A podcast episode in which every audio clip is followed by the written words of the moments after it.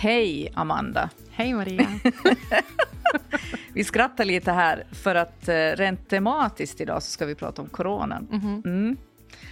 Och, och, det är ju så att du är lite nojigare än vad jag är nu. Men när corona började då var ju jag nojigare än vad du var. Mhm. Mm.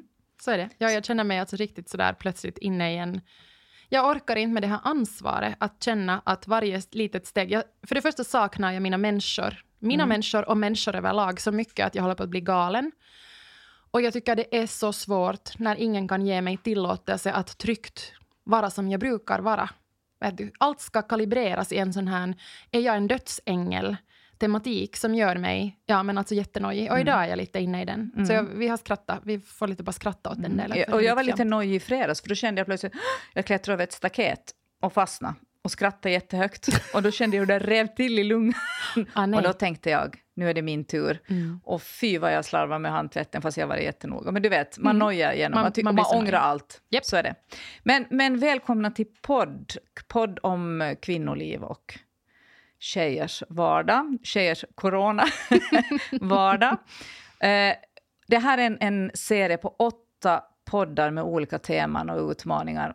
Eh, och i varje avsnitt så snackar vi högt och lågt, brett och smalt om, om helt alltså våra egna infallsvinklar och perspektiv. Och vi lämnar bort jättemånga perspektiv, för allt ryms inte på 30-40 minuter. Eh, och sen så finns det i varje avsnitt en liten eh, snutt, en politikerkommentar helt enkelt från det perspektivet. Mm. Eh, har jag sagt allt nu, hur upplägget? Ja, men det tycker jag. Du och jag pratar lite politiker och så drar vi ihop det på slutet. Och idag ska vi alltså prata om coronan, kris eller katastrof. Men skulle du vilja presentera dig, Amanda, vem du är? Mm. Jag heter alltså Amanda och jag är sociolog och förändringscoach. Och jag är också yogalärare. Och jag jobbar med mitt eget företag. Jag är mamma till två pojkar, fyra och ett. Och jag är gift med Erik. Och eh, ja, jag är i vanliga fall en väldigt fysisk och kramig människa. Och lite som jag sa här i början så, så känner jag hur min kropp, alltså hur min kropp är trött för att jag inte får kramas. Det är jag. Vem är du, Maria? Nå, jag har ju då fem barn och en man, så jag får kramas. Ja, det får ju jag också. Ja. Men du vet med andra människor. Ah, du tänker så. Det är det jag menar. Mm, jag förstår. Eh, eh, jag jobbar som, som psykoterapeut. Idag har jag faktiskt också jobbat som präst en liten snutt. Och sen jobbar jag som publicist. Skriver och jag pratar och jag gör radio och tv och nu poddar med det här. Eh, vi, vi tänkte lägga upp det så att jag pratar lite kris och katastrof och, och du pratar sen vad du nu pratar. För vi vet ju inte riktigt vad den andra snackar om. Nej, det är enkelt. jättespännande. Ja, det är lite spännande. För spännande kanske. men, men den här coronapandemin, den är ju... Det var, det var ju ingenting som någon av oss såg komma. På julen läste jag en bok av Hanne Vibeke Holst som heter Som pesten. Mhm. 750 sidor, Mhm. som jag uppfattade i januari, skiffy. Efter en, Mars, not so much. Nej, efter en månad var det verklighet. Mm. Ni som inte har läst den så gör det eller lyssna på den, den är helt sjukt lång. Men det handlar alltså om Pandemin, Den heter ju förstås någonting annat, men allt är liksom copy-paste på den. Jag trodde ju aldrig någonsin att jag skulle få uppleva det. Eh, men på ett samhälleligt plan så är ju förstås hela den här coronagrejen en, det är ju en katastrof. Men framför allt så är det en katastrof för, för de människor som har blivit sjuka. För de äldre, de gamla, de handikappade som har blivit isolerade. Eh, för sjukvården på, i vissa länder så är det, ju, är det ju hemskt. För vårdarna som måste jobba inne i, de här, i den här utrustningen med de här maskerna och de här dräkterna som svettas kopiöst för att rädda liv. För dem är det ju en, är det en katastrof. Och sen är det förstås den här ekonomiska katastrofen. Eh, för att, nu har vi räknat upp allt, men sjukt stor katastrof är det ju framför allt för människor som bor trångt i fattiga länder. Och vi är ju bara i början av det, det kommer ju säkert att, att, att också komma dit med allt vad det innebär. Men, men jag tänker det är katastrof. Kris däremot, det, det är ju någonting, det är ju som en pyttekatastrof. Det är ju en, kris är mer en svacka eller en grop som är djupare eller grundare, men, det, men den har inte den här katastrofens magnitud. Och, och när man är i en kris så, Så är man på botten en stund, man mår skit, man gråter. Men på något himla märkligt sätt så kommer man ofta upp ur den. Vissa kriser pågår en månad. Någon kan hålla på ett år. Men efteråt så kan man se att det fanns en tidsbegränsning, fast tiden då när man hade krisen känns evig. Och, och det här då att förlora sitt jobb, det är ju då eh, en kris, men det kan ju faktiskt också bli en katastrof. Så var vi är, är vi i krisläge eller är vi i katastrofläge, det, är ju, det ändrar hela tiden faktiskt, för nästan alla. Får jag fråga dig, Maria? Ja. Vad har den här varit för dig? Har det varit kris eller katastrof? Nej, men definitivt kris. Mm. Ja, absolut. Absolut inte katastrof. Nej. Jag tycker ju jag tycker jag har varit ganska skonad, men jag tror också att det beror på att jag har mycket värre kriser som pågår. Så coronakrisen är bara en liten kris i alla mina andra kriser. Och de, coronakrisen känner jag på något sätt, den är ju inte personligt riktad mot mig, så jag är inte så personligt kränkt och ledsen. Mm. Medan de andra kriserna är verkligt riktade mot mig. Och, och de hittar jag inte något svar på. Det finns tyvärr inget vaccin när det gäller dem. Då. Så jag är egentligen mer orolig liksom för, mig, för, för de här andra kriserna än för coronakrisen liksom hos mig. Men, men det som jag tänker på är att hur vi har förhållit oss till, till den här krisen har ju varit väldigt olika. När, när det kom ut då i media kring, kring coronan så var ju siffrorna ganska dramatiska. Man pratade om 10-40 procents dödlighet. Eh, och, och vi reagerar ju liksom därefter. Men nu har det ju visat sig att det kanske liksom inte fullt är så, eller att det är vissa grupper som har en hög dödlighet och inte andra. Men förvånansvärt många reagerar ju fortsättningsvis enligt den första informationen. Vad tänker du om det? Gäller det dig? Det går som sagt i vågor. Jag har varit rätt lugn. Um, jag var rätt lugn Ända fram till att det, jag var en av de första i min bekantskapskrets som började boka av träffar med kompisar. Uh, och då kommer jag ihåg att jag ringde runt och sa att ja, nu känner jag mig lite fjantig, men, men nu känner jag mig inte heller bekväm mera med att träffas liksom, på grund av coronan. Och, och folk var jättesnälla uh, och sa nu ingenting liksom, till mitt ansikte. Det var två dagar innan det så där riktigt ordentligt landa här i Finland och, och saker och ting börjar stängas ner. Um, sen har jag ju varit, liksom, jag tänker att alla familjer har väl kanske sina roller och i vår liksom, större familj um, med, med syskon och, och, och, och det där och, och, så, så är jag väl eh, i den liberalare änden. Alltså min, min son som inte har varit på dagis då när det inte rekommenderades, har ändå fått leka på gården med, med våra grannbarn. Och vi har liksom på inget sätt varit helt isolerade. Vilket jag vet många, många det där kompisar också som har gjort att barnen inte har, varit, inte har träffat någon och man har liksom inte träffat någon alls. Um, ja, så för mig går det i vågor. Den, den största ångesten och rädslan för mig så har dels handlat om, om nära och kära som hör till riskgruppen på något vis. Och sen nog ett bottenlöst hål i att tänka på alla de människorna som redan är fruktansvärt utsatta, som, som slungas in i ännu mm. en katastrof. Liksom det orättvisa, det ologiska, det, ja, det oförklarliga på något sätt. I det, det kan jag emellanåt däckas av helt. Mm. Och sen, som jag sa i början också, just det här liksom fysiska, att jag plötsligt går omkring och frågar mig själv att det att jag skulle vilja krama min pappa och min mamma och mina systrar och deras barn. Jag har blivit moster till en liten pojke som jag inte har sett live. Han är fem månader nu. För att han föddes i januari och vi var sjuka alla i januari och februari, de här vanliga vinterflunsorna och så plötsligt kom coronan. Liksom att, den delen kan jag verkligen sörja ur ett personligt perspektiv. Och där kan jag sen plötsligt bli rädd för att min längtan efter att få se mina människor och känna att det är vanligt, liksom får den vara... Vart ska jag sätta den i perspektivet att, att plötsligt kan vi smitta varandra? Plötsligt kan jag som älskar de här människorna vara någon som gör dem illa. Det tycker jag är jättesvårt att hantera. Men, men inte du med flit? Nej, jag vet. Jag menar att om du är varsam och tar ansvar så inte tycker jag... jag Nej, det är ju absolut inte Och du har ju varit helt sjukt noga. Så jag har varit jättenoga, men mm. det är kanske just det där också att, att när vi alla har så olika nivåer på vad som är tillräckligt, alltså de här experterna som vi alla på något sätt har blivit ja. och väl måste vara också för att det är en så ny grej. Att vi gör alla så gott vi kan, men vi gör alla olika. Det är lite som föräldraskap. Exakt så är det. Liksom att vi kämpar alla på och alla mm. har en åsikt om vad den andra mm. gör. Och vissa ventilerar det högre och andra lite tystare. Mm. Men den finns där, den där vetskapen om att du kanske inte tycker att jag gör ett så bra jobb. Mm. Och hur ska jag bära det om det sen leder till att du, liksom, du skulle bli sjuk? Eller, ja, så här, förstår du hur jag tänker?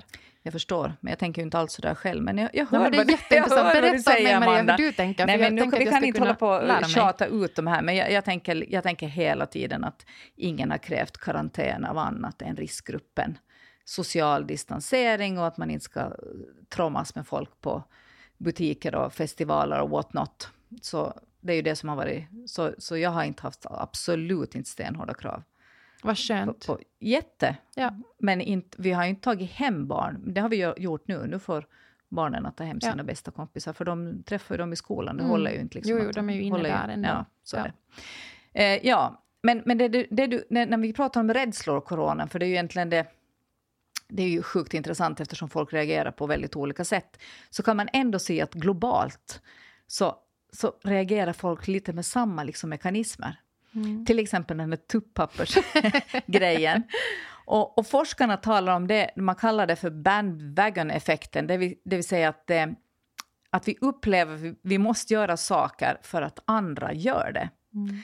Så i början så fattar man ju ingenting. Att vad, tomatkross, tonfisk, tuppapper, liksom, what's the connection? Finns det något samband?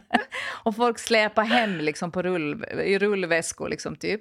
Och, och, man tänkte ju att de vet något som jag inte vet. Mm. Jag borde liksom hoppa på det. Den, den andra grejen som, som är lite intressant så är ju det här att neglect of probability. Det är ett sånt här fenomen som när, när människor då under väldigt osäkra, otrygga förhållanden måste ta eh, beslut så överskattar vi ofta faran. Och så ältar vi och oroar oss för grejer som kanske inte egentligen borde älta. Mm. Och det är också en sån här som skapar en, just den här sociala stressen eller den Mm. psykiska stressen. Vi lugnar liksom inte varandra. Nej, men det gör vi ju verkligen Nej. inte. Och det här, det, här är, det här är ju... Det här, är, det här tycker jag är ganska problematiskt egentligen. Eh, men, men sen också det här med att alla är experter. att, att har man läst något inlägg på Facebook så är man liksom nästan som landets epidemiolog. Vad heter det? Epidi, Epidemiolog. Det var inte så lätt. Nästan. Nej. Mm. Och det här är också en sån här grej, att lite ödmjukhet kanske kring den här kompetensen. Folk har lagt 20 år på akademiska studier, Mm. men jag läste. Ja, och där väl också på något sätt ändå att eh, det som jag tycker blir så svårt är att det känns som en så här missunnsam in, inlednings liksom, tankesätt på något sätt. Att vi utgår ifrån att den andra är ute efter att göra oss illa istället för att utgå ifrån att den andra försöker göra det som skulle vara bäst för oss alla. Jag, jag tänker inte så mycket att göra oss illa, men jag kanske tänker inte ta tillräckligt med hänsyn. Mm. Alltså göra ett egoistiskt beslut som andra får betala av. Ja, men jag tänker liksom på expertnivå nu. Alltså det att det finns så olika strategier också i olika länder. Att där, att där också liksom har blivit nu en sån attityd i att Ja, alltså vi har ju inget facit ännu. Det är klart att vi har ju på ett sätt ett facit i hur många människor som har dött. Men sen har vi ju också facit i vad det har kostat oss ekonomiskt att göra på ett annat sätt. Mm. Alltså det finns ju många olika Mm. facit. Det är kanske det som är min poäng. Och just det här som vi också har pratat om, att, att hur ska vi liksom hantera det facitet med människor som är ensamma och, och som mår fruktansvärt dåligt eh, och, och som kanske hellre skulle leva två år kortare men leva ett liv där de får krama om sina barn och barnbarn. Så är det, men det blir ju inte två år om man blir sjuk. Nej, Nej, det blir det ju. två veckor. Ja, nu, ja mm, på det sättet ja. Men, men jag tänkte också det här att, att får man liksom sörja löjliga grejer när, när folk ligger på någon intensiven. mm, Ja, min, min pappa dog precis eh, före coronan och det innebar att, att den här jordfästningen ställdes in på två dagars varsel. Sen begravde min mamma honom ändå. Eh, så vi blev liksom snuvade på ett avsked. Och det har nästan svidit mer än all annan ångest. Det, det är alltså... Det, jag hade tagit farväl, jag hade varit där när han dog. Eh, men det där avskedet med släkt och vänner och den här ritualen var alltså förvånansvärt viktig. Så det har jag nog, det har legat som en sån här tung våt filt liksom på något sätt över axlarna hela våren. För det, det blev liksom ofärdigt och fel. mm, Och sen en annan grej som, som också är, som, ing, som är ingenting, eh, men ändå en sorg, det är att jag har en abiturient som plötsligt måste skriva sina studentskrivningar på hälften kortare tid. Det gick inte så bra, hon var otroligt ledsen för det. Eh, hon fick ingen dimension. Och jag minns själv den dagen, det är liksom, om jag tar så här tio dagar som jag har varit så här sjukt lycklig, så var det definitivt en av dem. Mm. Och det blev liksom ingenting. Det blev liksom bara liksom, det blev också fel. Man kunde gå hem till sitt betyg, någon hade någon skumpa på någon gård, fick någon ros, men liksom, ah, vad blekt. Och jag sörjer med henne, och jag sörjer liksom att de inte att det är så svårt att komma in i, i skolor på grund av det här och att det finns inga sommarjobb. Och det, hela den generationen sörjer jag med. För att just de här 01 är ju mig nära eftersom jag känner så många bland dem. Men det här är också, nu, nu överlever vi ju alla det här. Men, men... men det där tänker jag ju också att det handlar ju på något sätt om, om, om livet i sig. Alltså alla, alla vet vi ju på ett sätt att en förutsättning, eller på ett sätt, vi vet ju att en förutsättning för att leva är att vi en dag inte kommer att göra det mera.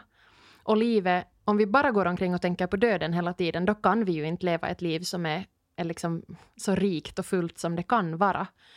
Um, så, så för att kunna leva behöver vi ju få sörja. Det är klart att du ska få sörja det att du inte fått begrava din pappa. Mm. Och det är klart att du ska få sörja det att din dotter, som har varit med om ett av livets stora trappsteg mm. har blivit snuvad på den mm. upplevelsen. Mm. Det tycker jag är helt självklart mm. att man får sörja. Mm. För det är ju livet. Och sen det är klart att nu går vi runt med den här underliga kulissen som är corona med alla sina hot och all, alla sina begränsningar. Och det är klart att det påverkar vad som händer på den här livsscenen men vi är ju ändå, det måste vi komma ihåg, att vi är ju ändå mitt i livet med mm. allt det vad det innebär att jag tycker det är svårt också att, att säga liksom att man inte skulle få känna sig trött eller ledsen Nej, eller nedstämd. Så är det, men det finns ju liksom inte riktigt som en scen för det, för att den tog ju över liksom alla scener, den här coronarädslan. Ja, så har, det har varit jättesvårt att identifiera ja. varifrån den där liksom ång Jag har haft ångest liksom hela, hela våren och mått mm. jätteskit och varit sjuk. Liksom. Ja. Men eh, vad finns det mera för coronaperspektiv? Det är lite färskvara att podda om corona, för det ändrar ju liksom från vecka till vecka. Det ändrar så mycket. Men, men vad hade du på, de, på dig? Vad hade du tänkt? No, ganska mycket. Och jag, jag, tycker att det i, idag just på något sätt kanske är det jag börjar med, och, eller tar, tar över från det kommatecken där du lämnar av, är kanske också den här insikten om att Att hur det har sett ut. Jag tror, jag tror att vi alla har gått in i en slags överlevnadsmode. Alltså att vi alla har klätt på oss en lite, lite liksom tuffare kavaj och känt sådär att okej, okay, nu ska vi bara ta oss igenom det här. Från det att, att det liksom slog ner ordentligt i, i, vårt, i vår vardag och vi förstod att nu behöver vi göra ganska dramatiska förändringar. Åtminstone var det så för mig. Jag blev ju också på ett sätt snuvad på en, eller vi blev ju liksom båda i min familj snuvade på, på för något vi hade väntat ganska mycket på på olika sätt. Men den första i fjärde så började jag jobba igen efter att ha varit hemma med, med vår yngsta son i tio månader. Och Erik började sin pappaledighet. Men det var ju inte som vi hade väntat oss, för vi hade två barn hemma istället för, för ett. Uh, jag är egenföretagare, så jag kom liksom in i ett ganska horiga läge, kan man ju säga. Um, och det gick jättebra på jobbet, förvånansvärt bra på jobbet. Där satte jag på mig en så här kreativ hatt och liksom har bara tänkt så här, nu ska vi se vad jag kan göra av den här situationen. Och det har gått väldigt bra och det tackar jag många härliga arbetsgivare och liksom kunder för, att, att de inte tryckte på bromsen helt, utan att det har funnits jobb att göra. Men det som jag kan titta på så här i backspegeln och tänka på är det att det kändes också som att för mig kom den stora tröttheten då vi fick veta att dagis öppnar igen, då ungefär två och en halv månad efter eller in i den här, den här nya, nya vardagen. Och då hade jag jobbat så att jag liksom från 8 till 11 jobbade. Sen hade jag Linus, vår äldre son, mellan 11 och 1, så att Elia nattades av Erik och Erik fick vila lite på dagen. Sen jobbade jag från 1 till 4 och sen var det kvällsrumba. Vi har två små barn som vaknar rätt mycket på nätterna fortfarande, så jag sover inte mer än ungefär två och en halv, eller vi sover inte mer än ungefär två och en halv timme i pass. Liksom, och sen, det behöver inte betyda att vi är uppe jättelänge, men jag speciellt som sover jättelätt vaknar hela tiden. Så när jag tittar tillbaka kan jag liksom inse det att det har funnits noll andrum överhuvudtaget, alltså noll andrum. Och jag blev så trött när någon sa åt mig att nu ska vi lite gå tillbaka till, nu får vi, liksom, nu får vi föra Linus till dagis, nu blir det lite mer sådär utrymme att bara vara i allt det här. Uh, och jag känner också att det här får man väl inte egentligen heller sitta och klaga över, att jag känner mig så trött. Att jag känner att tanken på att ha semester var liksom helt absurd. Vadå semester när man har varit på jobb dygnet runt med liksom alla roller hela tiden? Um, Men sen lyssnar jag på Simon Sinek som ju är en strålande typ. Och han pratar om infinite mindset, alltså att ha ett oändligt tankesätt, ett perspektiv. Och jag kunde känna igen det, för jag brukar göra den övningen ibland, att jag försöker zooma ut från mig själv. Um, så han pratar om det att, att, att när man tar på sig den här hatten, som är då det oändliga tankesättet, så, så handlar det om att titta på det man går igenom med en slags lugn tillit, att zooma ut och se att man är, i en, man är i en våg, men den kommer att gå över. Ur ett historiskt perspektiv så är det här en kris eller en katastrof. För många förstås en, en katastrof, och ur ett historiskt perspektiv så kan det ju nog absolut beräknas som en katastrof. Um, men det är en av väldigt många. Vi har varit med, mänskligheten har varit med om väldigt mycket som har varit lika hemskt eller ännu värre. Och att det vi går igenom just nu är inte slutet, uh, utan det är en del av en längre resa. Och det hjälpte mig på något sätt. Att tänka sen sådär att dels det, att det är okej okay att jag känner mig trött och frustrerad och sorgsen och som att jag har just en sån här våt filt på mig för jag vet inte hur jag ska hantera och reagera i allt det här. Men, men det kommer att komma ljus, även om jag inte ser det just nu, så, så kommer det att bli ett ljus som antagligen är mycket annorlunda än det vi hade före krisen. Det är liksom en ny vardag. Men det kommer att bli bättre. Och det har jag försökt liksom intala mig själv också att det kommer att bli bättre. Ja, jag brukar använda i terapi så, så brukar jag prata om, om det här historiska perspektivet. Eh, och jag brukar använda det på mig själv. Helt enkelt att eh, i mitt kvinnoliv så är jag med om ganska husiga grejer bara för att jag är kvinna.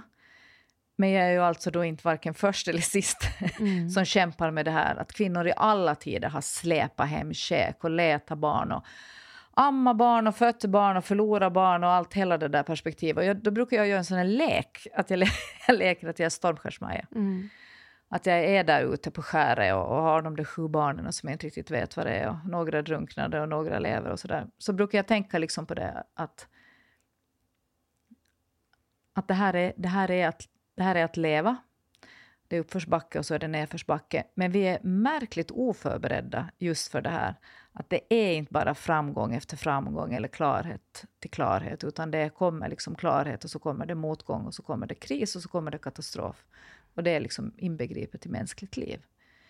Och de här, den här, jag vet inte vem, vems ansvar är det att berätta det här, men som en del i fostran försöker jag ge det till mina barn i alla fall att om du är förberedd så tror jag också att du kan hantera det mycket bättre. Mm. Ja, och det som har varit också ett sånt ganska konkret, eller som jag har använt med, med mina klienter under den här våren när vi har jobbat tillsammans, har varit just att vad gör man när man kommer in i en sån känsla av att men vänta nu, det här har jag inte signat upp för, det här vill jag mm. faktiskt mm. inte vara mm. med om. Och jag tänker liksom att den första viktiga saken är att göra är att bara sitta med den känslan och låta det vara så låta det kännas som att, att, att det här är orättvist. Vet nu riktigt liksom tappa in i alla de känslorna som det kan väcka, även fast man själv skulle vara ganska skonad från de värsta möjliga scenarierna i det här. Um, men ja, sätta sig ner och, och, och, sätta ord på det man känner. Och att sen uh, skriva en, en lista på allt man då vill säga upp sig ifrån. Om det är så att man liksom känner att jag vill faktiskt inte vara med mera med de här villkoren. Så, så vilka jobbuppdrag man måste säga, säga att jag kan inte vara med och göra det här. Uh, vilka familje eller vänskapsrelationer man får säga att det står inte ut med det här just nu. Uh, vart flyttar man sina barn för att man orkar inte ha dem hemma? Vart sätter man sin man för att man orkar inte se på honom för att det är så jobbigt?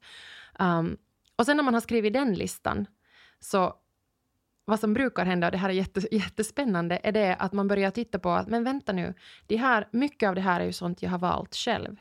Varför hade jag valt det här i första tag överhuvudtaget. Varför, varför, ville jag, varför vill jag dela mitt liv med de här människorna? Varför vill jag jobba med det jag gör? Um, och då kommer man till en slags kärna. Man hittar den där egna kompassen igen. Att okej, okay, det här var mina grundvärderingar. Det här är också de sakerna jag kan påverka, för det tror jag att det är viktigt för oss att öva på, att särskilja. Att det finns vissa saker som vi kan påverka och så finns det otroligt mycket som inte är i våra händer som aldrig kommer att vara i våra händer, men som vi nu i och med coronan kanske får en riktig crash course mm. i att hur lite kontroll vi de facto har mm. över ganska mycket i livet.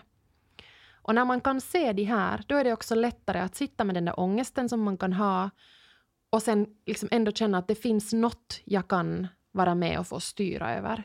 Så, så din rekommendation när man mår sådär skit, alltså sådär corona illa, Mm. så är just att sätta en lista på vad kan jag påverka och Mm. vad kan jag inte påverka.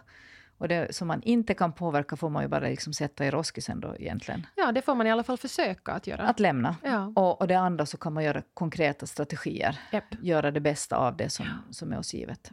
Och sen komma ihåg att också prata om det här högt och be om hjälp. Mm. Nu ser ju hjälpen ut till exempel för mig i min vardag väldigt annorlunda. Jag är ju van vid att till exempel min pappa som brukar bära upp vår vardag, hämta barnen minst en dag i veckan, uh, vabba dem när de är sjuka så att vi kan jobba om det behövs, uh, resa med oss, vara väldigt mycket med. Alltså han är en jättestor del av vår vardag. Mm. Och han är plötsligt helt borta.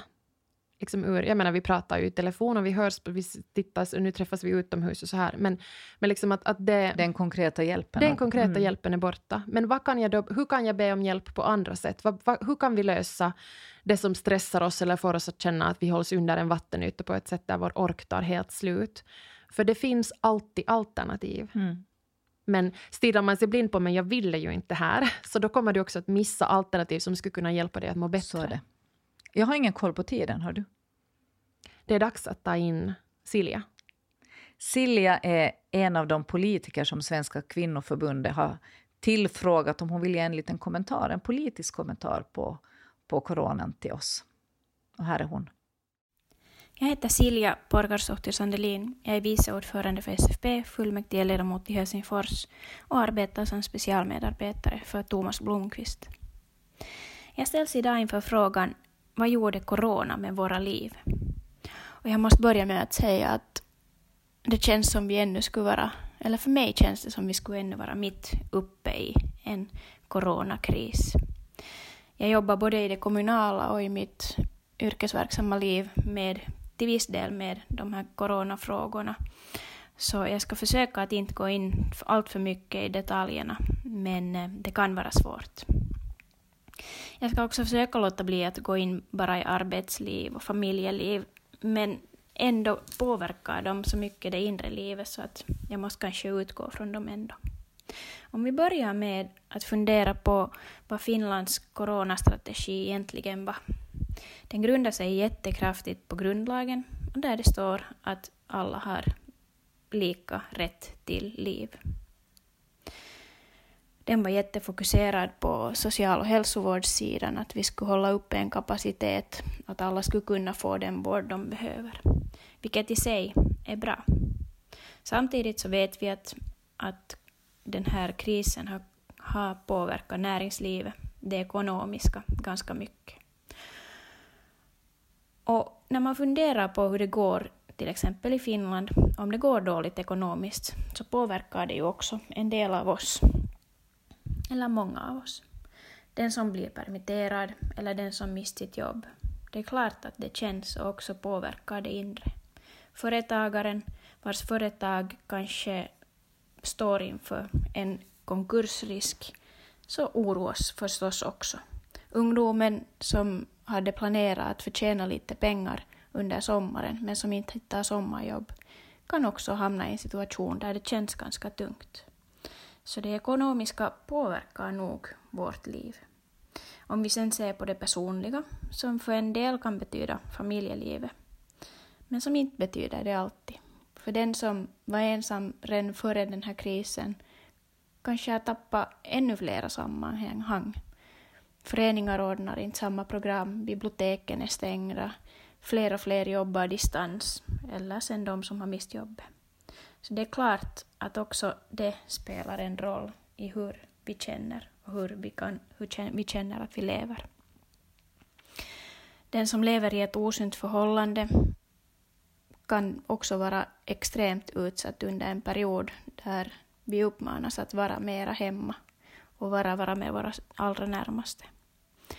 Jag kan väl säga att jag själv känner mig lyckligt lottad som får vara med en partner som jag är glad för att få ha lite mera tid med då flera evenemang under veckosluten till exempel är avbokade. Så för mig känns det ganska bra samtidigt som jag förstås oroar mig också för de nära mig som inte har det bra just nu eller som känner att de inte har ett sammanhang, att det ekonomiskt går dåligt. Det som jag kämpar med en del är inom kommunalpolitiken där den naturliga debatten inte uppstår på samma sätt. Vi kan inte behandla frågor lika som tidigare. Vi kommunicerar via e-post eller videokonferens. Och jag måste säga att när vi diskuterar frågor som faktiskt handlar om att fatta beslut om människors vardag så känns det tungt att inte kunna sitta face to face och diskutera saker. Det ger så mycket mera. Rubriken jag fick eh, så var coronakris, katastrof eller möjlighet. Och jag skulle kanske hävda ännu också att det kanske är för tidigt att säga vilken del det gäller, men att det för en del kan vara katastrof samtidigt som det för andra är en möjlighet. Jag hoppas förstås att alla ska fokusera på att försöka få det att bli en möjlighet, men det är inte alltid så lätt. Följderna är säkert mer långtgående än vad vi kan enbart förutspå idag.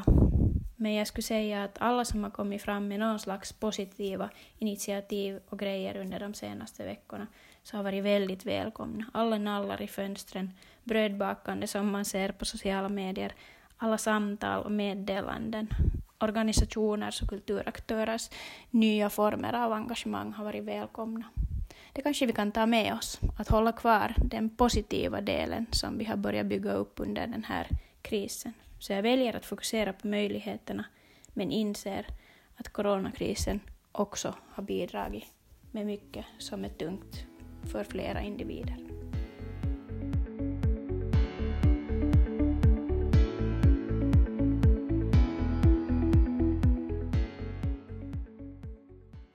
Tack Silja. Jag, jag fäster kanske mig mest vid just det som Silja också nämner, den här mänskliga kontakten, att den är så viktig och att den har berövats oss, eller på, på så många sätt försvunnit nu i och med alla restriktioner. Och, och Silja sa mycket som, som egentligen kopplar också an till den, en annan övning som jag ville dela med mig av här, ännu nu till slut. Och det, det handlar om att förstärka just den här inte, egna kompassen som man bär på. Um, att man också kan på riktigt använda den här stunden till att titta vad man har lärt sig av den här krisen. Och då, då brukar jag be, be mina klienter att, att lista de saker som har gjort uh, dig allra lyckligast under den här krisen? Vilka stunder? För det har ju funnits massa sådana också. Uh, Mer än vanligt. Ja, men det är det jag ja, menar. Absolut. Så många sådana stunder som har varit lite oväntat ja. fina i mm. allt det som har varit svårt. Så vilka stunder har varit sådana där du har känt dig som allra lyckligast och varför?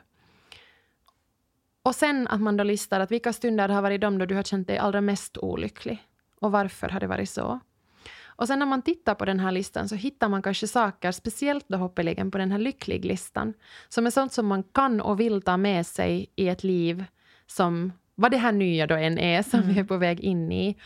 Um, men för mig är det till exempel den här tid, uh, tiden, alltså hur lite som har varit inbokat, för jag är en så här supersocial apa som vill liksom träffa folk. Också under min arbetsdag så kan jag liksom ha så oproportionerligt mycket möten med människor för att det ger mig jättemycket energi. Men det gör också att jag ständigt går med en känsla av att jag inte hinner med allt som jag vill göra. Mm. Och det har jag tyckt att har varit jätteskönt. Mm. det är ingen som förväntar sig det. Och alla är okej okay med att man tar en online-fika eller ett online-möte, vilket ju sparar jättemycket tid på många sätt. Så det är tiden, lugnet. Och sen det här att, att ha ungarna så nära inpå fast det också har varit jättetungt, så har det också varit helt underbart att ha mm sitta och måla klockan tolv en tisdag med Linus i köket medan vi lyssnar på barnen i Bullerbyn. Det har varit fint. Det är helt sjukt fint. Jag, jag, jag, jag, jag håller med. Jag har helt samma lista. och, och, jag tycker också att det, de här månaderna har varit faktiskt funnits otroligt mycket. Alltså den här tacksamheten som, som plötsligt, eh, för, för små skitgrejer, men tacksamheten har nog ökat extremt mycket. Och, och, det som är på pluslistan, tänker jag, i, att vara tacksam för, det, det, är att den här coronan igen på något sätt den prövar familjelivet. Men jag tyckte vi, kom, vi har kommit ut ur det ganska väl. Och jag, igen så blev det en sån här situation när jämlikheten prövades lite. Och, och eh, inte okomplicerat, men vi hamnade alltså i en situation när jag egentligen jobbade mer än vad min man gjorde. Och han bet ihop och han fixade för säkerhets skull så påminde jag honom om att jag hade varit hemma i tio år med våra barn när han har varit på jobb, så, att ingen nu skulle missförstå det här. Men, men jag tycker det, det, är, det är för mig alltid lika överraskande och häftig känsla att få, liksom en, få stöd i det och att, att vi ställer upp för varandra, också han för mig. Mm. Så det, det har nog varit... Det var ju egentligen min energiboost Mm. Den här veckan. Ja. Hade du någon annan? Jag hade en annan, för jag hade Ja. en tjuv och en boost som var samma sak. Okej. um, tjuven som visade sig vara en boost. Och tjuven var det att jag provocerades hiskeligt av alla de här röda dagarna som jag tycker att den här våren är så sprängfylld med. Det här är väl också, alltså, jag, jag tror att jag provocerades av det för att det liksom blev så tydligt för mig att mitt jobb är det som ger mig energi just nu. För jag har så små barn och det är så mycket jobb hela tiden. Det är Mm. underbart, underbart, underbart. Och det är också jätte, jättetufft. För det pågår ständigt. Och, ehm, så jag var jätteprovocerad av de här röda dagarna och kände liksom att nej, men jag vill ju bara jobba och jag, jag vill bara få göra mitt. Ehm, och så kom den här röda dagen och så blev den en boost istället, för jag är också ganska trött. Som jag sa, att sen, sen dagisstarten igen så har jag liksom känt hur den här stora tröttheten bara har varit med mig hela tiden. Och den röda dagen så blev då en sån dag att jag sov nästan två timmar med, med vår baby Elia. Låg där och dreglade bredvid honom i sovrummet. Det var jätteskönt. Och sen, sen blev den så kravlös. Vi var ute i trädgården och pynjade Um, sen gick min man dessutom iväg på coronaöl på kvällen med sina kompisar. Det var första gången under den här tiden som de träffades nere på stranden nära där var vi bor. Och, eh, och det kändes så fint att, att se honom gå iväg och göra någonting som var så vanligt och se hur glad han var och den energi som han fick av det. Och sen kom de dessutom till vår gård, så jag fick ligga i soffan och lite så här tjuvlyssna genom fönstret på vad de satt och snackade om. Vet du, vanliga livsgrejer. Det var ganska lite corona, det var ganska mycket liksom barn och ungar och vad man har tänkt på, hur det har kännats, vad som funkar. Vet du, vilka treårstrots vilka ungar har. Och, nej, det, var en, det var en jätteboost. Så den röda dagen visade sig vara en ganska bra grej ändå. Mm. Hade du någon tjuv? Jag, har, jag har ju en ongoing tjuv. Och jag pratade just med henne innan jag kom hit. och sa, sa att, att det där med min oro, min oro då för, för, den här min, för min abiturient, hur det ska gå för henne i livet och när, när liksom som, det kom så många krokben för henne på en gång. Så jag har mycket oro för henne, den där knappen är intryckt. Och hon är ganska led på min oro för att det innebär ju att jag inte sover förrän hon är hemma och hon är sällan hemma före fem eller sex på, från fredag till söndag. Så att i natt var jag också uppe ganska länge faktiskt och väntade på henne. Hon sa att lägg ner, du har Mm. problem. så det är sant, men det är inte så enkelt att lägga ner Nej. om man är orolig, orolig och ängslig och rädd. Men det tar jättemycket kraft och jag är jättetrött för att jag är så orolig, helt enkelt. Det förstår jag. Mm. Tack Amanda för idag. Tack Maria. Eh, det tekniker för den här podden det är Tobias Jansson som sitter här bredvid mig. Står ut med oss och vårt babbel. Och studion är Parad Medias. Och det här, det här är alltså en poddserie som är ett sam samarbete mellan Svenska kvinnoförbundet, Svenska kvinnoförbundet Sörnäs och Svenska bildningsförbundet. Och vi som poddar om tjejliv och kvinnovardag, vi heter Amanda och Maria.